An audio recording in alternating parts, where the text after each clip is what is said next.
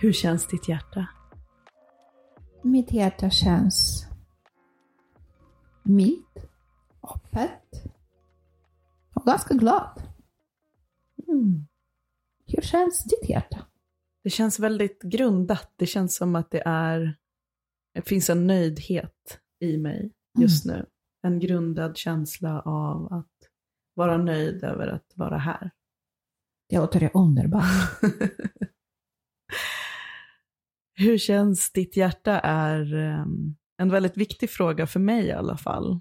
Som ett sätt att checka in med sig själv och som ett sätt att um, ställa sig själv en, uh, en fråga om hur, hur mår jag, men på ett djupare plan. Vi kommer att bjuda in den frågan till varje avsnitt för att uh, påminna oss själva om vårt hjärta, men också påminna dig, dig som lyssnar om att checka in och lyssna in i dig själv och hos dig själv och det Mm. som finns medburet i dig idag.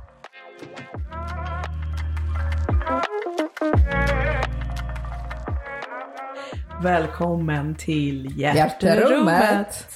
Välkommen till oss, till mig Inna Och mig, Tanja. och jag är ju din dotter. Och jag är din mamma. ja. Så berätta lite mer om dig. Vem är du? Ja du, eh, vem är jag? Den bästa frågan man kan få. Ja, precis, och svåraste frågan man kan få. Exakt. Eh, man vet aldrig hur man ska presentera sig själv. Ska man prata väldigt långt och långrandigt och ingående eller bara kort och snabbt? Eh, nu ska vi se hur det blir. Eh, jag kan bara säga att jag har levt länge. Och jag har gjort väldigt många olika saker under livets gång, så är det faktiskt. Eh, och det är ingen överdrift. Nej. Det är ingen nej. överdrift. Ehm, jag har jobbat eh, på väldigt många olika ställen, jag har utbildat mig till väldigt många olika saker. Eh, och jag kan försöka berätta om det nu lite mer välkammat, kan man säga. Ta det från början. Ja, jag försöker ta det från början, yes. Jag älskar numerologi och astrologi. Mm. Och eh, det är, det är mina hjärteämne egentligen.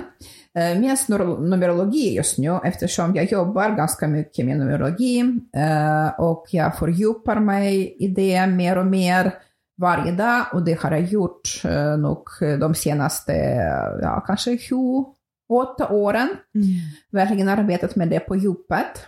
Och eh, Eh, om man tänker på mina hjärteämnen, som är som sagt numerologi och astrologi bland annat, då är det nog inte så konstigt eh, om jag presenterar mig eh, utifrån just de två lärorna.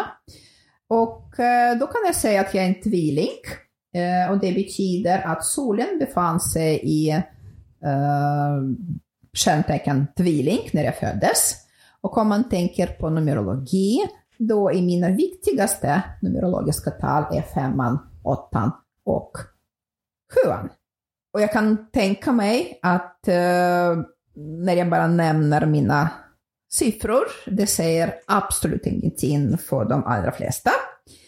Eh, och det är okej, det är ju helt vanligt. Men jag personligen är väldigt, väldigt van vid att eh, prata om mig själv och eh, prata om eh, andra människor och se på mig själv och andra människor just genom prisman av siffror och planeter. Mm. Ja. Så gör jag faktiskt. Så om man tänker på mig som en tvilling, då är jag väldigt nyfiken. Jag älskar att lära mig en massa saker. Och de här sakerna kan vara vitt skilda från varandra. Eh, jag bara kör på min intuition. Mm. Eh, och ibland kan det vara väldigt uh, tvära kast hit och dit. Eh, ja, visst man kan skratta åt det, men eh, ja, eh, min livet, eh, livets gång var inte så enkelt egentligen eh, på grund av just de där tvära kasten. Och eh, det gjorde också att jag kände mig ganska tudelad eh, i princip hela mitt liv. Eh, eftersom så länge som jag minns har jag alltid varit intresserad av det okända, av det metafysiska. Mm. Och så fort jag fick ett tillfälle så studerade jag en massa. Jag mm. studerade mm. healing, jag studerade numerologi, jag studerade astrologi. Jag lärde mig tarotkort, jag lärde mig meditera, kanalisera, arbeta med energier. Jag har haft en massa härliga, fantastiska, vissa människor som mina lärare. Mm. Och jag är evigt tacksam för varenda en. Um, och parallellt med detta utbildade jag mig till ingenjör. Sen Eh, skrev en avhandling till och med och doktorerade i detta ämne. Eh, sen lärde jag mig vidare och utbildade mig till en lärare. Eh, och så jag jobbade ganska mycket som lärare och jag fortsätter jobba som lärare än idag och jag trivs väldigt mycket med det. Men eh, precis som jag har nämnt tidigare, att eh, det här intresset för det andra, för det okända, har alltid, alltid, alltid funnits där. Mm. Um, men um, jag vågade inte riktigt uh, erkänna det offentligt. För det akademiska och det metafysiska krockade med varandra jämt och ständigt och det var en väldigt svår kamp för mig att kunna acceptera de båda sidorna mm. som fanns i mig hela tiden. Men till slut har jag lyckats göra det. Uh, och uh, sen uh, ganska långt tillbaka, parallellt med eh, lärarjobbet, har jag arbetat med andlig rådgivning. Eh, och eh, då som mina verktyg i det arbetet har jag alltid haft, ja. Om allt du har nämnt. Ja, liksom. allt som jag har mm. nämnt, precis. Um, och um, jag tänkte ju faktiskt eh, på att eh, jag är nog inte den enda människa på jorden som har haft den här inre kampen i mig. Eh, så jag hoppas att om det finns andra människor som upplever samma, som upplever att de står med ena benet i det andliga, i det okända, i det esoteriska och med andra benet i det världsliga, akademiska och kan inte riktigt förena de två vägar så jag mm. hoppas att de kan uh, höra mig nu och uh, förstå att det finns hopp om livet. jag tror att väldigt många känner igen sig i det. Väldigt många. Och det är inte förrän liksom nu på sistone som det har börjat mer öppnas upp och pratas om det andliga eh, och allt mm. som hör till. Nu när vi pratar om det andliga kanske vi liksom bara sätter ihop exakt allt under det paraplyt på något sätt. Mm. Um, Eh, men att jag ser ju också att yogan har blivit enormt mycket större de senaste, ja det är ganska många år, men den är också... Yoga har faktiskt bidragit jättemycket, mm. just det där andliga uppsvinget. Precis, för att mm. yogan är ändå någonting som väldigt många kan förstå och väldigt många kanske kommer dit för att de vill ha någonting att göra fysiskt. De eh, kanske har sett att det ser lite härligt ut och sen så eh, kommer man förhoppningsvis till en lärare som även förmedlar någonting annat och sen så får man det liksom inom situationstecken på mm. köpet och sen helt plötsligt bara åh, ja men det här var ju kanske lite intressant för mig och jag mår bättre inte bara fysiskt utan också mentalt eller um, emotionellt eller liksom det är olika för alla. Mm. Mm. Men jag tror att det är väldigt många som, som känner så att eh, men jag har det här och då pratar jag med de här om det, om man har turen att ha någon som man kan liksom dela det med. Eh, och så här, så här är jag på mitt jobb eller så här är mm. jag på, i min liksom mer vardag. Eh. Precis, precis. Och då, det är då man delar sig mitt i tu. Mm. Och då är det väldigt svårt att hitta helheten. Det är mm. svårt att hitta sitt genuina, autentiska jag. Men jag tror också båda sakerna kan finnas samtidigt för vissa. Men det är mycket att hålla. Jag kan känna igen mig i det också, att jag har liksom haft ena foten här och ena foten där på något sätt. Men jag har alltid eh, tyckt att det är ganska skönt. Mm. eh, för att eh, bo, men båda de sakerna som jag har stått med ena foten i har alltid känts autentiska för mig. Och det har varit skönt att gå båda vägarna samtidigt på något sätt. Men jag kan ju bara spola tillbaka så här till mig själv och min väg och så som jag har kommit in på den är att kreativiteten har guidat mig väldigt, väldigt starkt. Och eh, när jag ser tillbaka, för att det är ju lätt att sitta där vi är idag och se mm. tillbaka på sitt liv på något sätt och bara, aha, det blev så här. Och jag ser att kreativiteten har guidat mig väldigt, väldigt starkt. Så kreativiteten guidade mig till att börja med till att eh, utbilda mig till journalist. För jag var lite i villfarelsen att jag skulle liksom skriva jättemycket och vara jättekreativ. Jag skulle få alla de roligaste uppdragen och bara prata med de mest spännande människorna. Men det var helt intressant för mig att när jag fick veta första gången att du bestämde dig att utbilda till journalist. Ja. Det kom nästan som en chock till mig faktiskt. Ja, jag minns det. Ja, för, för tidigare du inte ens nämnt att du skulle vilja bli journalist. Jag minns faktiskt inte exakt när det kom upp, eller vad man ska säga. Men... Du tyckte inte ens om att läsa böcker? vill jag minnas. Varken på svenska eller på nej, engelska. Men jag älskar att skriva. Och jag har ju också, jag älskar att läsa idag och jag har älskat att läsa mm. mycket. Eh, men eh, nej, det var, inte, det var inte där du hittade mig om man säger så, eh, i min ungdom eller min barndom, sittandes med en bok. Absolut nej, inte. Nej. Eh, Vi tyckte inte. Men däremot så tror jag att jag har en liksom välutvecklad fanta fantasivärld och jag har liksom gillat att fantisera och skriva och så här. Och jag tänkte att jag skulle liksom få komma till uttryck med mitt skrivande. alltså mm. det är så dum tanke.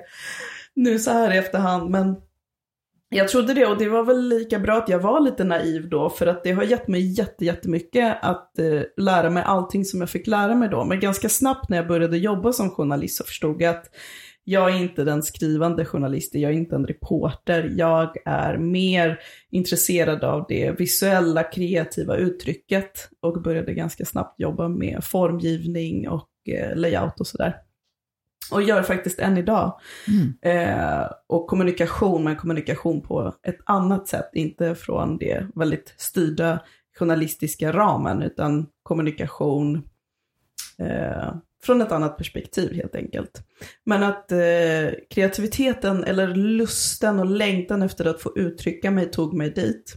Och parallellt med det så tog lusten och längtan att uttrycka mig också till att bli yogalärare. Mm. Visste du faktiskt att jag har varit yogalärare i tio år i höst? Oj! Alltså tio år. Det är ju dags att fira. Nej, i höst är det dags att fira. Det är inte, snart, det är inte det riktigt dags att fira. Men i höst så är det faktiskt dags. Helt och, otroligt alltså, vad tiden går fort. Det känns helt otroligt. Det känns som att det har varit en enormt lång tid. Eh, men samtidigt också en, bara en blipp på tidslinjen mm. så här långt. Um, och uh, den tog mig också till yogan och till uh, även på så sätt faktiskt jobba med min röst. För att inom, när jag undervisar eller när alla lärare undervisar så är ju rösten det främsta verktyget. Det är ja. klart att många, många delar är med och så här, men rösten är ju den som, mm. som uh, är viktigast. särskilt inom den formen som jag undervisar i. Så jag började på en ganska dogmatisk väldigt strukturerad plats. Um, och jag tror att det kan vara någonting som andra känner igen sig, att man måste börja någonstans där det är väldigt, väldigt, väldigt tydligt. Mm. Men jag förstod väldigt snabbt att det här passar inte riktigt mig och det är inte riktigt min, mitt autentiska uttryck. Det här är för styrt på ett sätt. Så jag började um, undersöka vad, liksom vilka vägar jag kunde ta, vad som fanns där och ganska snabbt så kom en yogaform in i mitt liv som heter embodied flow. Mm. Med en uh, helt annan, um, helt annat perspektiv på yogans praktik. Kan du berätta lite mer om det? Det handlar om att om man tänker så här Instagram-yogan, att så här, det ska se supersnyggt mm. och polerat ut och det är bara en viss typ av kropp och det är bara på ett visst typ av sätt. Och det kan också vara en jättefin praktik, det, det handlar inte om det. Men inom mer förkroppsligade yogaformer så är det det som är eh, viktigast är vad som kommer inifrån, som man praktiserar inifrån och ut kontra Så man måste lyssna och väldigt in. mycket på sitt hjärta. lyssna inåt. Intuition. Ja, men det är, inte, det är liksom kroppens intuition, Mm. kroppens känsla, eh, kroppens inre inkännande. Så det är som att du föreställer dig att du skulle vända dina sinnen inåt. Och om du skulle vända din hörsel inåt så kanske Mm. du inte skulle lyssna med dina öron. Du kanske skulle lyssna med en annan del av dig. Och om du skulle vända känseln inåt så kanske det inte är din hud som känner utan det är en annan del av dig. Det låter väldigt härligt och samtidigt lite läskigt, skulle jag Det är säga. väldigt mystiskt. Kroppen är väldigt mystisk och helt fantastisk. Och eh, jag skulle säga att det är en, eh, liknar det vid en skattkista. Det, Mm. det finns så mycket att upptäcka och det är ett äventyr. Mm. Eh, men det är mer introspektiv praktik eh, som för mig är allt. Mm. det är um, någonting som inte bara är något jag gör eller jag undervisar eller liksom det är inte bara ett jobb utan det är det jag lever. Mm. Um, och det jag vet att jag kommer att leva jämt. Kan du säga att yoga är din uh, livsstil? Eh, absolut. Livsstil, men jag tycker livsstil är ehm, eh, ett ord som som jag kanske själv inte använder så jättemycket, men säg att det är min, mitt kall Mm. på alla sätt och en livsstil självklart också, men det är lite djupare än Ja. en livsstil, förstår Jag du? förstår, Mm. absolut. Ehm, så det är, eh, det, tog, det, det var dit det tog mig. så på tal om det här med att stå med en fot här och en fot där. Så på något sätt så har jag haft turen att de två har vävts samman. Att det ena föder in det andra. Mm. De liksom ger varandra energi som en, du Mm. vet som en DNA-sträng. Så här. Ja. Och du är ju våg också. Ja, just det. Så det är som uh, två vågskålar. På tal om det här med att du läser människor utifrån Ja, astrologi. precis. precis. Ja, jag är supervåg. Jag har våg i, alltså, hur många planeter som helst. Det är ett under att jag... Du har väldigt många planeter i vågen, ja. Och det är väldigt ovanligt. Alltså jag tror att det är väldigt ovanligt. De tre, de tre största som man brukar eh, utläsa är ju solen, månen och ascendenten. De är ju tre i Mm. Ja. vågen, Ja. alla tre. Och så du Venus också. Och jag Mars. Venus och Mars och Merkurius, Ja. alltså det, det tar inte slut. När man tittar på min, eh, min chart, det är bara, det bara står våg, alltså det står inget mer. Mm. Mm. Det är lite intressant. Men vågen är ju också ett väldigt kreativt Mm. Och att man vill ha det väldigt snyggt och fint och så harmoniskt runt Mm. omkring sig. Och det är ju någonting faktiskt som är väldigt tydligt i mitt liv. Mm. Så det, det var min väg.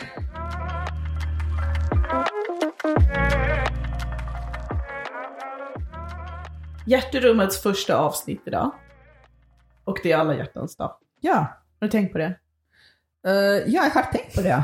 Och det är faktiskt helt otroligt. Det är ju väldigt passande. Det är väldigt passande, Ja. men samtidigt otroligt eh, eftersom vi har inte planerat att det skulle bli så. Nej, det bara blev så. blev det Ja, precis. av olika anledningar. Men det blev väldigt, väldigt rätt. Mm, det känns rätt. Eh, och förresten, på tal om eh, alla hjärtans dag. Idag när jag var på väg till vår inspelning Mm. så satt jag eh, och bläddrade lite slå på internet och där har jag stött på en artikel som handlade om historien bakom alla hjärtans dag. Mhm. Vet du förresten att den historien är mer än 2000 år gammal? Alltså historien bakom alla hjärtans dag. Ja, precis. precis. Nej, ursprunget. Ursprunget. Nej, precis. det visste jag inte. Nej, inte jag heller. Så det var jätteintressant. Uh, så jag tänkte berätta lite grann om det. Uh, uh, jag tror att de flesta, inklusive mig och kanske du också, har hört att det handlar om den helige Valentine, eller Valentin. Eller Ja. Valentinos som Ja. man kan kalla honom för också. Valentine's Day. Valentine's Day, exakt. Men det är inte många som vet eh, vem, eh, vem han var Nej. egentligen. Eh, och det som jag fick läsa idag, som var väldigt passande, är att eh, mm, eh, det här historien har sin ursprung i eh, den romantiska legenden om just den uh, Valentinus. Mhm. Eh, och då var det så här att um, romerska riket uh, fanns en kejsare som hette Claudius. Och uh, den kejsaren hade uh, som uh, åsikt att uh, soldater innan de går i kriget, de ska inte gifta sig. Mhm. För då tyckte han att de skulle bli dåliga soldater, de skulle inte strida så bra som de egentligen skulle. Men eh, den helige eh, Valentin tyckte något annat. Och då vågade han trotsa eh, Claudius och eh, vigde alla par innan de eh, sig vidare till kriget. Mm. Och eh, ja, för det eh, dömdes han till döden. För han avslöjades till slut och Mm. dömdes till döden. Det var liksom början på den här historien. Eh, för han gjorde väldigt goda gärningar kan man säga. Mm. När han eh, hamnade i fängelse och där satt han och väntade på sin avrättning. Förälskade han sig i fångvaktarens dotter. Mhm. Och sen man kan ju tänka sig, men okej, hur gick det till? Liksom om han Ja, det satt... kan man ju undra. Ja, men... Att hon var där och hälsade på sin pappa. Precis, men historien är tyst om det. Ja. Eh, Men det blev i alla fall så att han lyckades smuggla ut ett meddelande till henne och han eh, skrev där, undertecknade med orden din Valentin. Mm. Och just denna gest har sedan dess eh, betra- betraktats som en symbol för kärlek. Mm. Och det som är så intressant är att det är denna gest som har influerat traditionen att utbyta av där kärleksfulla meddelanden och kort Mm. under alla hjärtans dag. Mm. Och presenter och, Och, ja, rosor. ja, rosor, precis. Så grejen är, grejen är att den helige Valentine var en av de första influenserna i världen, kan man säga. Ja, Är inte det lite coolt? jo men det är faktiskt sant. Och tack vare honom Han influensade oss, influerade oss influerade oss, precis. till att fira den här dagen. Ja, och tack vare honom sitter vi här och firar alla hjärtans dag. Ja, det är, det är stort. Det är stort, helt otroligt. Ja, men faktiskt. Och Kul! förresten, vad tänker du göra idag? Har du några storslagna planer? Nej, alltså jag är ehm, inte jätte... Är för liksom, vissa av de här högtiderna. Jag är allt för att fira.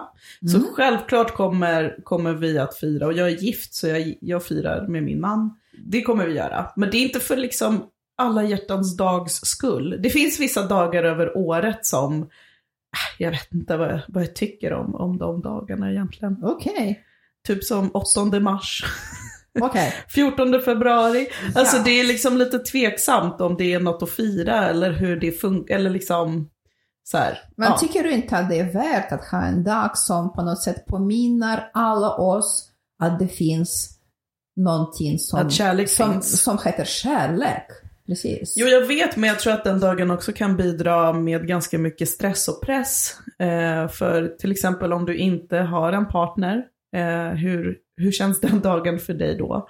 Att du bara får det liksom upptryckt i ansiktet så här att nu är det så här. Och jag vet inte, jag tycker också att kärlek är någonting som finns alltid. Mm. Den är här och överallt.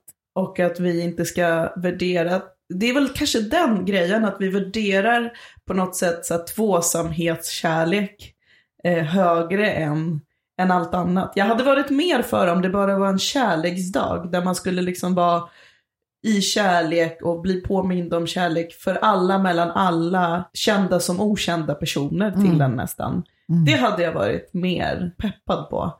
Men i det här fallet känns det liksom lite, det inkluderar inte tillräckligt mycket tycker jag. För kärlek är så mycket och det blir en sån liten del av det hela. Ja, du kärlek är faktiskt väldigt, väldigt mycket. Ja, Och man kan eh, tycka olika saker om kärlek och kärlek betyder olika saker för oss också. ja. Eh, vet du vad jag, vad jag kom att tänka på? När du var barn så var det väldigt populärt med de där små tuggummi. Ja, Love is. La- yes, precis. Ja. Love is. Mm. Minns du det? Ja, jag minns dem. Jag älskade dem. Det var såna här eh, tuggummin som var så här på engångsförpackning liksom. Ja. Ett tuggummi köpte man. Mm. Men jag vet inte om de fanns här faktiskt. Men de fanns där jag vux- Nej. växte upp. Ja, jag tror de finns överallt. Ja, kanske. Vi får se om någon känner Ja. igen det här. Men det var ju liksom, man fick ett, i paketet fick man ett tuggummi, som jag också kommer ihåg var jättestort. när jag tuggade det Och när jag var liten, var det de var också. liksom hela min mun var fylld av det här tuggummit. Och sen i, i det så fanns det ett litet, litet papper. Eh, och det var en pojke och en flicka. Ja. Eh, och så gjorde de olika saker på varje tuggummi, eller liksom i varje sånt litet papper. Och så stod det så här, love is. Ja. Och så kanske det stod, love is att titta på månen tillsammans och, eh, och ha det mysigt. Typ. Och så Precis. var det en liten bild på den här pojken och flickan, hur de tittade Mm. på månen. Och det var massa olika sådana, så det blev ju lite så här en samlingsgrej också. Man kunde samla på de här små eh, ritningarna. Mm. Ehm, ja, det var jättegulligt faktiskt. Jag Men tycker du om inte det. att det var ett jättebra sätt eh, att eh, erbjuda barn ett sätt att fundera över vad kärleken är?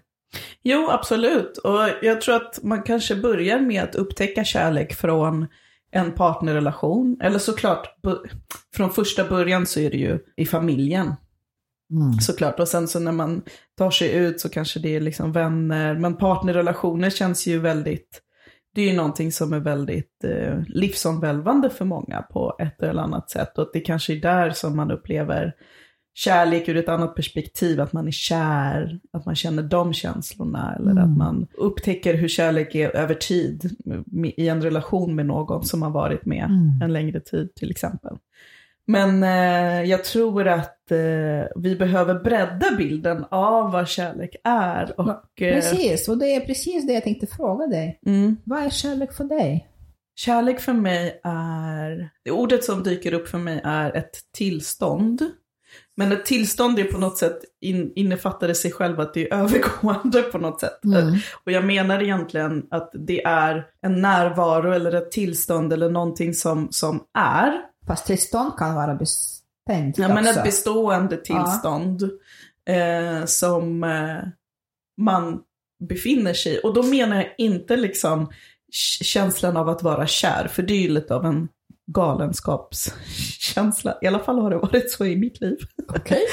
Att man kanske blir lite liksom, eh, det är väldigt mycket som händer och det är väldigt starkt och Mm. intensivt. Och Mm. resten av livet på något sätt hamnar på sniskan för att det här är liksom allt.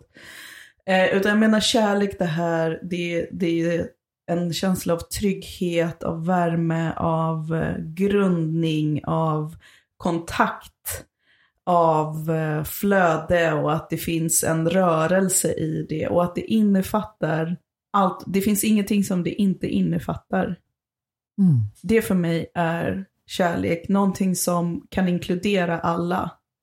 Och jag menar inte att det är någonting som jag lever i ständigt. Det kanske är någonting jag mer strävar efter att känna att så här, känna kärlek för även de människorna som jag tycker att det är svårt att ha en, en bra relation med till Mm. exempel. Eller att känna kärlek för sånt jag inte håller med om.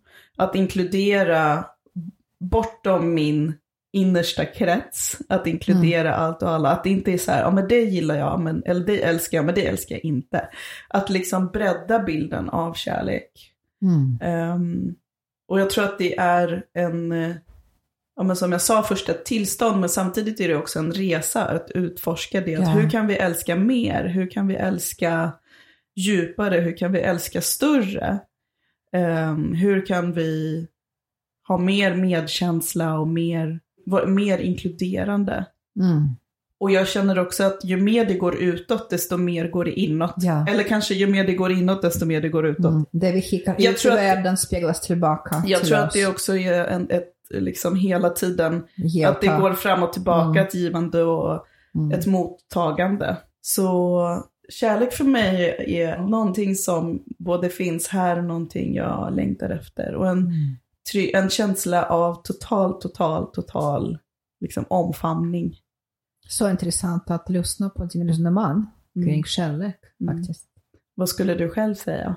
Kärlek kan betyda väldigt många olika saker och kan ta väldigt många olika uttryck. Mm. Och eh, jag skulle säga att kärlek var eh, ett huvudämne för mig under hela livets gång. Mina tankar, mina funderingar, mina känslor kring det här ordet och kring det här känslan Mm. har förändrats väldigt, väldigt många gånger. Otroligt många gånger. Eh, och därför det blir nog svårt för mig att eh, definiera vad kärleken är, bara sådär kort. Eller vad är kärleken just nu? Så om jag försöker reflektera lite och blicka tillbaka. Eh, det var faktiskt en tid i mitt liv eh, när eh, jag kunde sätta likhetstecken mellan kärlek och romantik.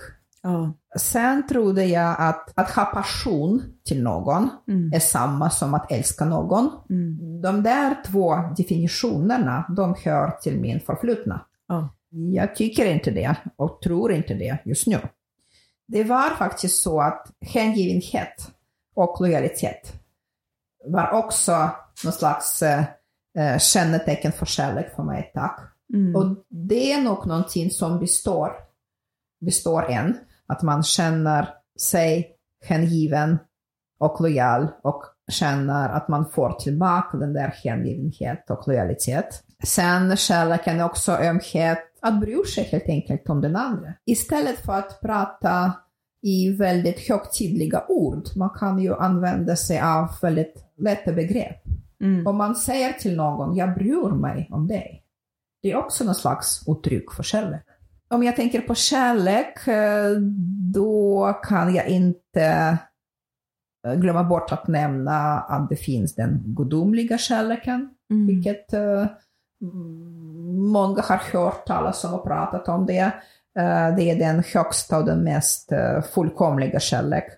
Sen- Men när du säger gudomliga, menar du då på ett religiöst sätt? Eh, nej, faktiskt Nej. inte. Nej. Eh, jag tänker inte på någon religion, fast absolut, den gudomliga kärleken den nämns ju i alla religioner, fast på lite olika sätt, eh, Mm. utifrån lite olika vinklar. Mm. Eh, men jag menade nog, precis som jag sa nu, den högsta, den högsta och den mest fullkomliga. Så på något sätt kärlekens hav som finns eh, runt omkring oss. Ja, precis. Det här är faktiskt intressant för jag tror att vi kanske kommer att använda oss av mycket ord, till exempel ordet andlighet eller gudomlighet eller någonting annat som kanske har en viss, ehm, man skulle kunna tänka sig att de refererar till någonting religiöst. Mm. Men jag vågar påstå här och nu att ingenting vi någonsin kommer prata om kommer vara religiöst. Nej, absolut För vi, inte. vi pratar inte om religion och vi är inte lagda åt det hållet. Och, men vi använder däremot många ord som, som känns bra för oss att använda helt enkelt, men utifrån ett helt annat perspektiv. Så när vi pratar om andlighet är det inte i kyrkan eller i, inom religion Eh, eller något nej, sånt. vi kommer inte att prata om kyrkan och i Nej. alla fall inte så mycket. Men eh, jag vill säga att eh, om någon eh, känner sig religiös och vill gå till kyrkan, det är inte fel heller. Nej, nej, nej, nej. Det är en absolut. väldigt fin väg, livet som man kan ta. Självklart. Det är inget fel på någonting så. Jag vill bara sätta en ram för våra Mm. liksom, referenser så, så att det Ja, men absolut. kommer. För jag tror att vi kommer prata många såna, o- säga många sådana ord och det är bara Ja. en, en tydlighet. Vi kanske kan skapa en sån här definitionslista. Ja, precis. Vad menar vi med det här ordet? Kolla på vår Instagram. Eller hur? Eller hur? En liten eh, Där kommer att finnas mycket intressanta saker. Mm. Eh, Jag har faktiskt kommit på att det finns en sån begrepp eh, självkärlek också. Ja. Och du har berört det lite grann när du nämnde att okej, nu är det alla hjärtans dag och man kanske inte har sin partner och man kanske inte vill få det som tryckt i sin ansikte att man eh, är ensam just den dagen. Mm. Men eh, om man respekterar sig själv, accepterar sig själv, man har en positiv bild av sig själv, man vårdar sig själv, man är varsam. Bara det räcker långt. Och just på alla hjärtans dag. Eller att man jobbar mot det. Ja, Att man är på sin Ja. väg. Mm. ja, absolut.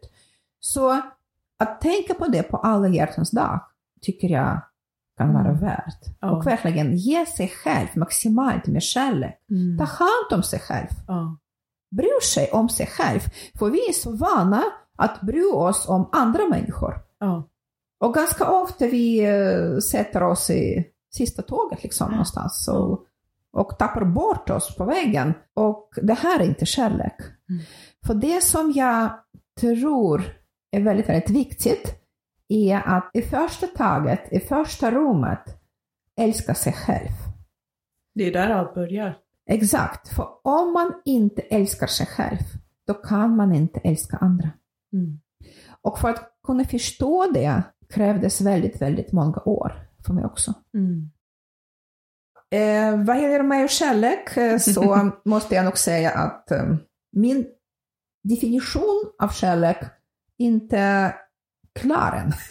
så den är fortfarande under utveckling. Mm. Ja, men vi, får, eh, vi kanske ska ha det här som en stående grej. Så nästa alla hjärtans dag så checkar vi in vad är definitionen av kärlek idag. Precis. Jag tror också att det kan vara en bra stund, en bra dag att reflektera kring sitt eget sätt att se på kärlek, på hur man möter sig själv och inte minst också kärleksspråk. Det har vi inte Mm. berört, Mm. men det är ett helt eget, ett ganska Just stort det. eget ämne. Ja. ehm, som De vi kan, fem, fem kärlekens språk. ja, precis. Vi Ja. kan komma tillbaka till. Absolut. Ge dig själv kärlek idag. Det är det viktigaste. Du är det viktigaste i ditt liv. Du är det viktigaste i ditt liv.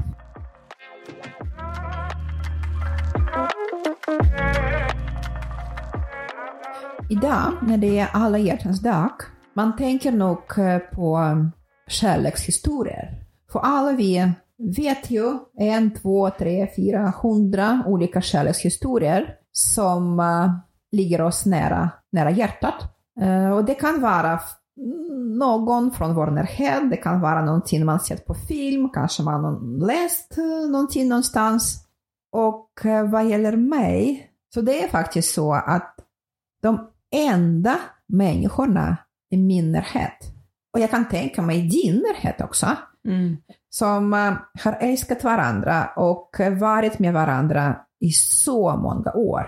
Mm. Det är mina föräldrar, Mm. det är dina mormor och eh, morfar. Mm. Mm. De träffades när de var 15. Eh, De är 87 och 86. Och, eh, Din morfar, min pappa då, han var på den tiden en av skolans bästa elever. Han var ordförande i ungdomsförbundet. Och då var det bara så att eh, han gick förbi en stor och pampig dansskola. Eh, och då hade han något uppdrag. Och där såg han min mamma, din Mm. mormor, uppträda på scen. Hon var en balettdansös. Mm. Och hon var väldigt vacker och graciös. Min pappa såg henne bara och blev kär i henne Mm. från första ögonblicket. Så som han berättade, att han sa till sig själv att den flickan kommer han att gifta sig och leva hela livet med. Så himla gulligt Mm. och så himla stort. Och så blev det. Och så, särskilt stort i efterhand när man precis, ser, precis, när man precis. vet hur det blev. Och de har ju levt tillsammans hela sitt Mm. liv. Hela sitt liv. Det är alltså åt, nej, 70 år. Mer än 70 år. Mer än 70 år. Mer än 70 år. De har varit tillsammans i mer än 70 år. Det är otroligt. Det är helt otroligt. Och grejen är att eh, hans mamma, alltså min pappas mamma, var faktiskt emot att han skulle gifta sig med en flicka som dansar, som en dansörska. Eh, och eh, pappa eh, studerade och jobbade vid flera långa tillfällen på en annan ord, Mm. ort. Eh, och trots detta, de har älskat varandra och varit tillsammans med varandra i över 70 år. Mm. Eh, och som sagt, de är 87 och 86 nu. Och de gör alltid saker ihop. Och det är det som är så himla fascinerande för mig, att de på något sätt inte tröttnar på varandra. Nej, det är faktiskt Alltså de gör saker ihop, de pratar, de skrattar, de lagar mat tillsammans, de promenerar, de handlar, de tittar på TV. Grejen är, det finns väldigt många par som eh, har levt ihop länge, Mm. men de har levt ihop inte på grund av kärlek, utan de har levt ihop på grund av barnen, Eller de kanske levt ihop eh, på grund av ekonomi, eftersom Mm. det är billigare liksom att... eh, Ja, det finns många anledningar, Ja, praktiska ja, anledningar. Precis, Mm. precis. Men mina föräldrar har verkligen bott ihop av en enda anledning, kan de älskar varandra, och det är Mm. på riktigt. Mm. Det här historien har verkligen eh, satt ribban väldigt, väldigt högt för mig. Ja. Och kan du förstå hur svårt var det för mig att, eh, att leva livet med eh, ribban som var så här hög? ja, det måste ha varit svårt. Och deras relation, det är verkligen någonting som är svårslaget. Mm. Och jag har ju också haft turen att du fick ju mig inte så gammal. Och eh, det känns... Nej, jag var 22 och halv. Ja, precis. Och, och du har ju också en, en lillebror. Men också att jag har väldigt ofta känt mig som ett av deras Mm. barn. att jag är liksom någon sladdis. Ja, precis. Och väldigt ofta när vi alla fem är tillsammans så är det liksom som att vi tre är syskon och de är våra föräldrar.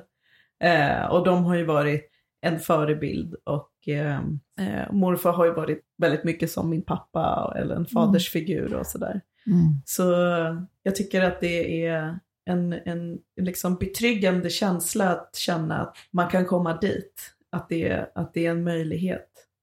Mm. Och jag tänker också, jag som också har varit i en relation väldigt länge nu, i min längsta relation någonsin, är att eh, vid det här laget så vet jag att en kärleksrelation är inte någonting enkelt. Det är inte någonting som bara händer och så är man kär och så är det toppen och så bara flyter Mm. det på, utan det är en process och ett jobb och någonting som är dynamisk och, dynamiskt och organiskt och som eh, växer på sitt sätt Ja. och händer på sitt sätt och att när man vet att två personer har varit tillsammans i mer än 70 år så vet man också vilket jobb de har lagt ner i det. För jag tror också i dagens samhälle så är det lite så här slit och släng med relationer och att man har glömt på något sätt, eller glömt att förmedla vidare genom generationerna att en relation faktiskt kräver någonting.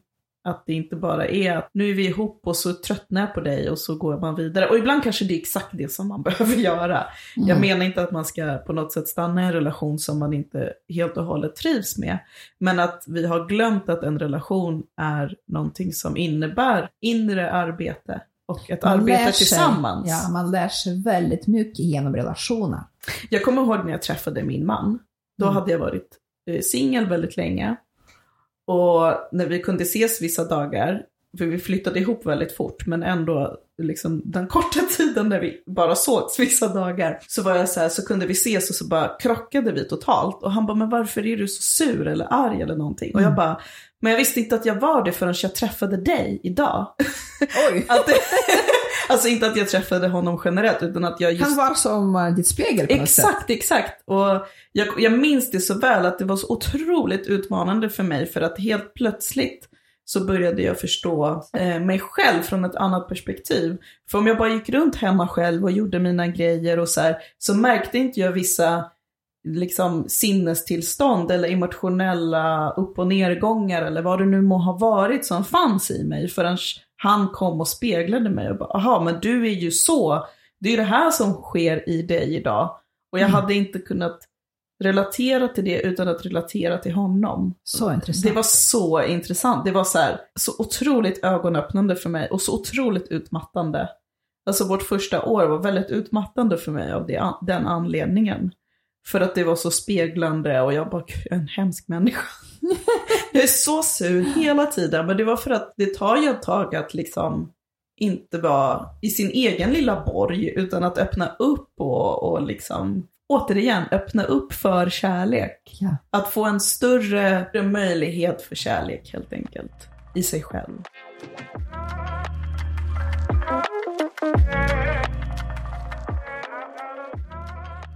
Min pappa sa till mig en gång, eh, jag älskar din mamma, jag har kännat henne hela livet och det kommer jag att fortsätta göra. Han sa att han verkligen vikt sitt liv till henne. Det här är så otroligt stort. När han sa det, jag kände mig väldigt berörd rört och berört.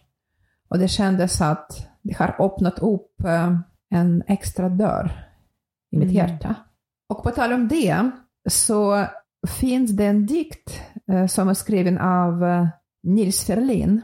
Och varje gång när jag läser det så går mina tankar till pappa, till hans eh, hängivenhet och till mamma då. Och självklart till alla oss i familjen också. Mm. Men först och främst till mamma, till hur stor kärleken kan vara. Mm. Varje gång jag läser dikten, jag känner mig väldigt rörd och berörd, så vi får se om jag kommer att klara av att läsa det utan att börja gråta. Ja. Rakt in i mikrofonen. Eh, Jag hoppas jag klarar det. Kärleken kommer och kärleken går. Ingen kan tyda dess lagar. Men dig vill jag följa i vinter och vår. Och alla min levnadsdagar. Mitt hjärta är ditt. Ditt hjärta är mitt. Och aldrig jag lämnar det åter. Min lycka är din. Din lycka är min. Och gråten är min när du gråter. Mm. Jag kunde inte klara av det. inte det heller. Och det är helt fascinerande. Mm. Den är så fin. Alltså det här är verkligen, jag, jag förstår inte, det här är helt galet. Okej, men nu är det klart. Nu är det färdigt. Nu är det dags för veckans hjärta och veckans smärta. Veckans hjärta för mig är mina föräldrar. Deras kärlek har eh, alltid varit förebild för mig. Men eh, det är inte alltid jag kunde inse det. För jag brottades med dem, jag kritiserade dem för att de är så fasta vid varandra. Under livets gång försökte jag hitta mina egna kärleksvägar som var inte alls lika mina föräldrarnas kärleksväg. Och allt detta gjorde jag bara för att bevisa något som jag själv inte ens visste vad det var för något. Så veckans hjärta, all min kärlek går nu till mina fina föräldrar. Mm. Jag skickar också med lite på ett hörn. Det är bra det. Ja. Veckans smärta. Under ganska, ganska lång tid. Jag hade den eviga smärta som handlade om att jag fortfarande inte tagit mig till gymmet. Och det är faktiskt det jag skulle kunna sagt för bara två dagar sedan. Ja. Men just nu, det är inte längre smärta eftersom jag har lyckats spränga nollan och jag har varit på gymmet. Så, tack vare Otroligt. Alla hjärtans dag, veckans smärta för mig har förvandlats till veckans vad? Veckans glädjestund. verkligen. och jag hoppas verkligen att jag kommer att fortsätta att gå på gymmet. Ja. Verkligen, verkligen, verkligen. Och jag hoppas att du kan peppa mig i det. Självklart, jag peppar dig ständigt och dagligen dags. Men Jag vet. eh, Du nu, gör ditt bästa. men det är svårare ju att komma dit första gången. Ja. Och sen är det bara, bara att fortsätta. Även om du går dit och är där i tio minuter. Det, det, då har du ändå tagit dig dit. Och chansen är att om man har tagit sig dit så är man där längre än tio minuter till slut. Eller hur? Mm. Eller hur? Mm. Så nu är vi på rätt väg. Perfekt. Mm. Veckans hjärta för mig är självklart att vi har den här podden nu. Det har varit en så stor dröm för mig så, så, så länge. Och jag har liksom försökt att eh, matcha in den i olika konstellationer, på olika sätt, med olika samtalspartners. Ta inte illa upp. Mamma. Okej. Men jag har det liksom... måste vi snacka om Ja, men det har varit, ja, precis. Men det har varit en, eh, en idé och en dröm för mig så länge. Men liksom exakt hur den drömmen skulle komma till eh, liksom förkroppsligas. Eh, har, jag har liksom duttat in mig på olika sätt och så har det aldrig riktigt varit helt hundra.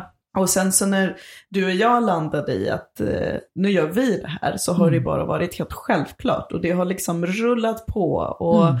jag är så glad att du har stått ut med mig och mina liksom, idéer om hur saker och ting har Och varit. vice versa. eh, för att eh, vi ska liksom landa i en, eh, i en gemensam väg framåt. Vi har ju behövt stöta och blöta en hel del får man väl ändå säga. Mm. Så att jag är så glad att vi har det här nu och självklart att det är också ett sätt för oss att umgås och att lära känna varandra på ett annat sätt, även fast vi gör det på olika sätt hela tiden ändå. Och ett kreativt uttryck som Mm. jag har längtat efter med min Mm. röst. Och jag är också med där på en hörn. Ja. Du gjorde alltså just nu hjärttecknet med fingrarna till mig. Yes, jag- och jag försökt. mikrofonen. du försökte, men jag Ja. såg det halvvägs på väg till, fingrarna på väg till varandra. Tack. Och veckans smärta för mig är någonting som min vågnatur skriker och mår så dåligt över. Och det är att vi precis ska påbörja en fönsterrenovering hemma. Alla fönster ska bytas ut. Och under tre veckor så kommer vi leva i mörker, kyla, damm. Alltså jag vet inte. Vad kommer, vad kommer det bli där inne? Försök att se det positiva helt Ja. enkelt. Alltså det positiva, jag vet inte. Det är också liksom februari, man är så trött på mörkret, det börjar bli lite, lite ljusare nu. Och nu under tre veckors tid ska vi liksom inte se ut någonting. För det är också alla fönster eh, i vårt hem. Det kommer bli toppen när det är färdigt, men, eh, men jag känner just nu att jag är inte super, super pepp på detta. Eh, men eh, jag tror det kommer bli jobbigt och sen kommer det bli bra. Det är väl så vissa saker är helt enkelt. Försök att ta det ut så ofta du bara kan. Ja, jag får, jag får sitta och jobba ute. Ja. Eh, nej, men det löser sig. Det kommer bli bra. Men, eh, men just nu är det som det är. Okej, det var allt för idag. Mm. Tack för att du har lyssnat. Tack för att du har varit här med oss. Och vi hörs nästa vecka. Hej då!